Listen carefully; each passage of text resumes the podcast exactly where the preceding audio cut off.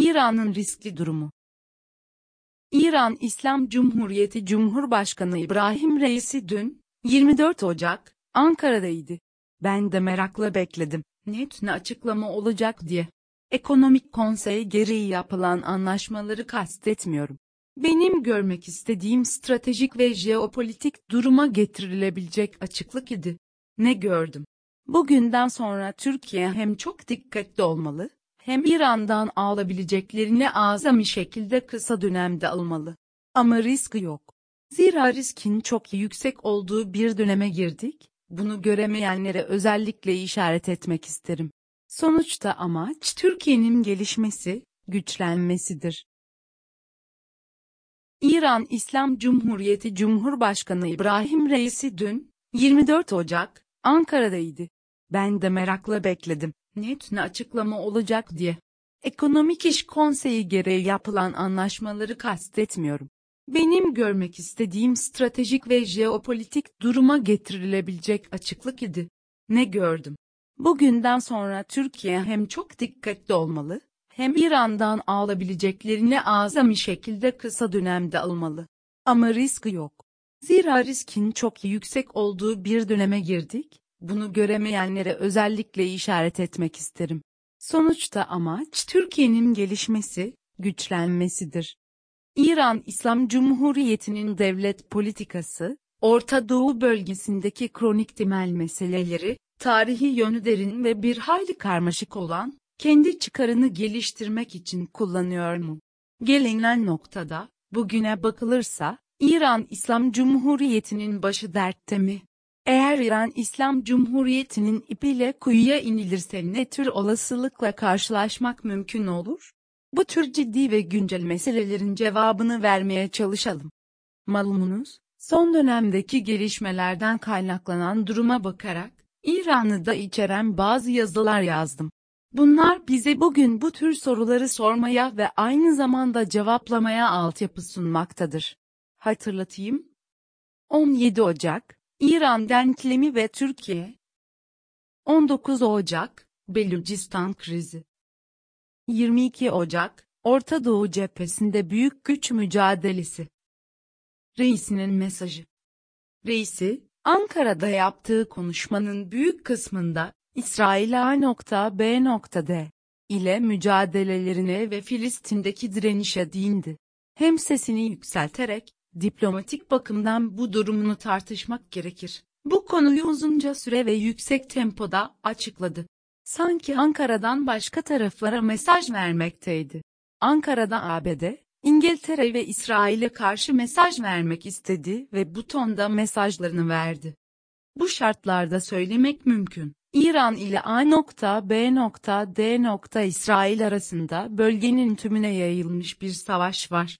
Bu savaşın şekli bugün için vekalet savaşı, yarın ne olacak çıksın durumunu açıklasın.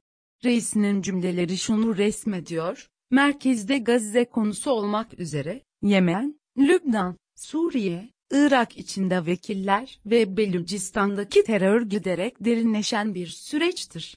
Ya sonrası? Uluslararası ilişkilerde çıkarlar esastır. Reisinin diğer mesajı, yeni küresel adaletli sistem oldu. Bunu söylemeyen yok. İnsanlıkla yapıt bir konu, küresel çapta ise Büyük İskender'den beri.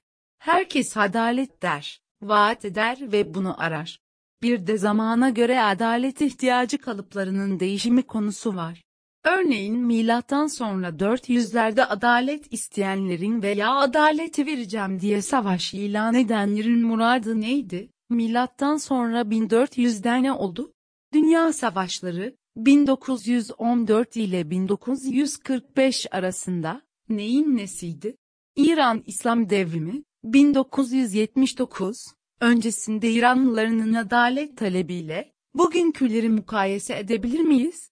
Ülkede adalet ne dünyada ne tür adalet gerekli? Yani, 2024 yılında adaletten bahseden İran İslam Cumhuriyeti'nde sokaklara çıkan ve gösteri yapan İran halkı da adalet istemektedir. Cumhurbaşkanı Erdoğan da Birleşmiş Milletler'in misyonunu yerine getiremediğinden dolayı sembolleşen, dünya beşten büyüktür. Sözünü ileri sürmektedir. Adaletli bir dünya herkesin hakkıdır. Peki buradaki konu ne? ABD'nin hegemonyasına karşı bir oluşumu güçlendirmek mi? Yoksa dünyaya adaleti savaş yapmadan, başka açıklamayla, insan ölümüne sebep olmadan getirebilmek mi? İranlılara soruyorum. ABD en büyük terörist, yöntem farklı olsa da, biz bir şey yapınca mı terörist oluyoruz? Diyorlar. Açıkça, net soru cevap bu.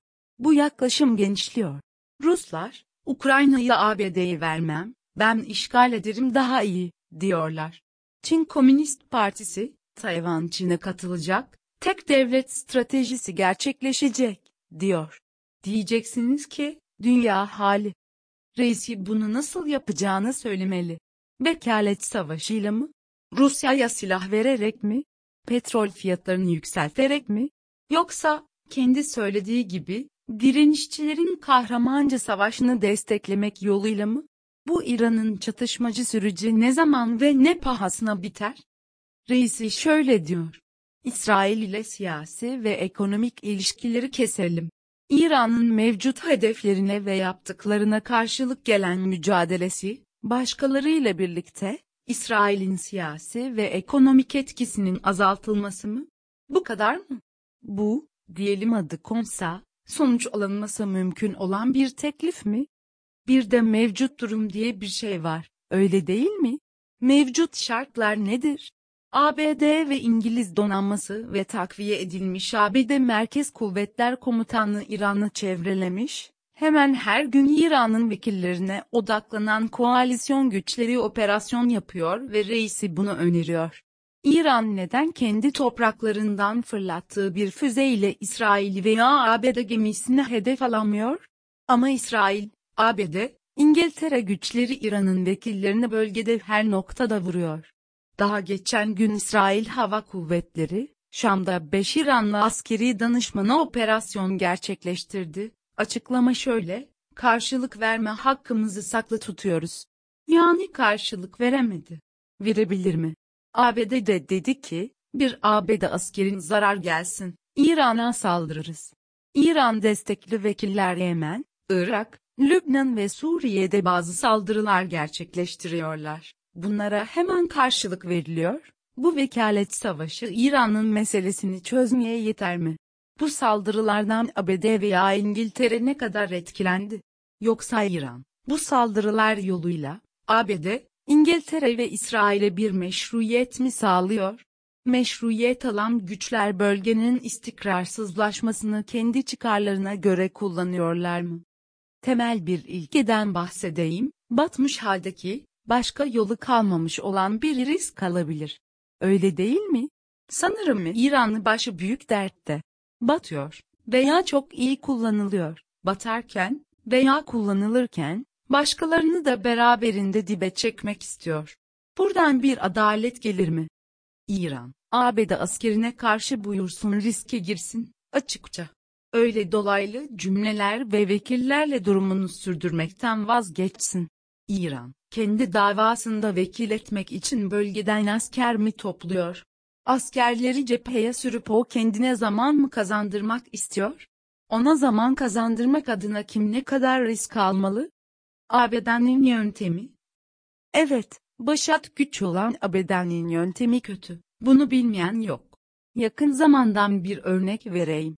Almanya'nın yıllardır Rusya ile birlikte çalışıp inşa ettiği Kuzey Akım 2, herkesin gözü önünde patlatıldı. Almanya sessizce bu durumu kabul etti. Alman Dışişleri Bakanı, Rusya ile işbirliğinden dolayı hatalı davrandıklarını kabul ettiklerini söyledi. Kissinger'in ironik bir açıklamasını hatırlayın, Amerika'nın düşmanı olmak tehlikeli olabilir ama Amerika'nın dostu olmak ölümcüldür. Almanlar bunu çok yakın zamanda gördü. Stratejik çelişki. Reisi diyor ki, yeni adaletli dünyayı inşa edelim. Putin de emperyalizmle savaş diyor. Hatta Putin nükleer savaştan bile söz ediyor. Değil ABD'yi veya NATO'yu, tüm insanlığı tehdit ediyor. Bu ne cüret? Ama dikkatinizi çekmek isterim, İran'dan nükleer silah üretmeye yaklaştı. Nükleer silahların yayılmasını önleme çabaları dünyanın gündeminde olan bir konu başlığıdır. Bu şekilde bir sınırdayız. Bu stratejik yöntemi sürekli tekrarlıyorum, sınırda sınanırsınız. Sınırda olanlar tarihte yazılı, sınandılar. Konu, mevcut düzenin bozuk çalışan organlarının biraz daha ilerisindedir. Bunu görmek istemeyenler var. Küreselleşme ve yeni sanayi devrimi süreci bildiklerimizi daha da bozacak, değiştirmek isteyecek. Bu yeni durumu iyi görmek gerekiyor. Türkiye açısından Türkiye'nin bölgedeki hedefleri neler? Kısa başlıklarla yazalım. 1. Bölgesel istikrar. 2. Filistin davasında iki devletli çözüm formatında ilerleme. 3. ABD teröristan projesinin engellenmesi. Bu hedeflere ulaşmak için Türkiye tarafından kendi yaptığı ve yağacağı terörle mücadele, A.B.D. İsrail planlarının boşa çıkarılması, bölgedeki İran'ın da istikrarsızlaştırma etkisinin engellenmesi gerekmektedir. Reisi, Ankara'da şunu öğrenmiş midir? Örneğin, Suriye'de önümüzden çekilecek mi? Diyelim Türkiye PKK slash y.p.g. slash KCK terör örgütüne karşı bir operasyon yapacak olur ise İran, Halep bölgesindeki güçlerini geri çekecek mi? Reisi, Hamaney, diğer Farisi liderler, tıpkı halı tüccarı gibiler. Şark ticareti, şark kurnazlığı. Türkiye bilir bu yöntemleri, tarihimiz köklüdür. Türkiye işini bilir. İran, Türkiye'ye enerjiyi ucuz versin, bir de yapılacaklara gölge etmesin.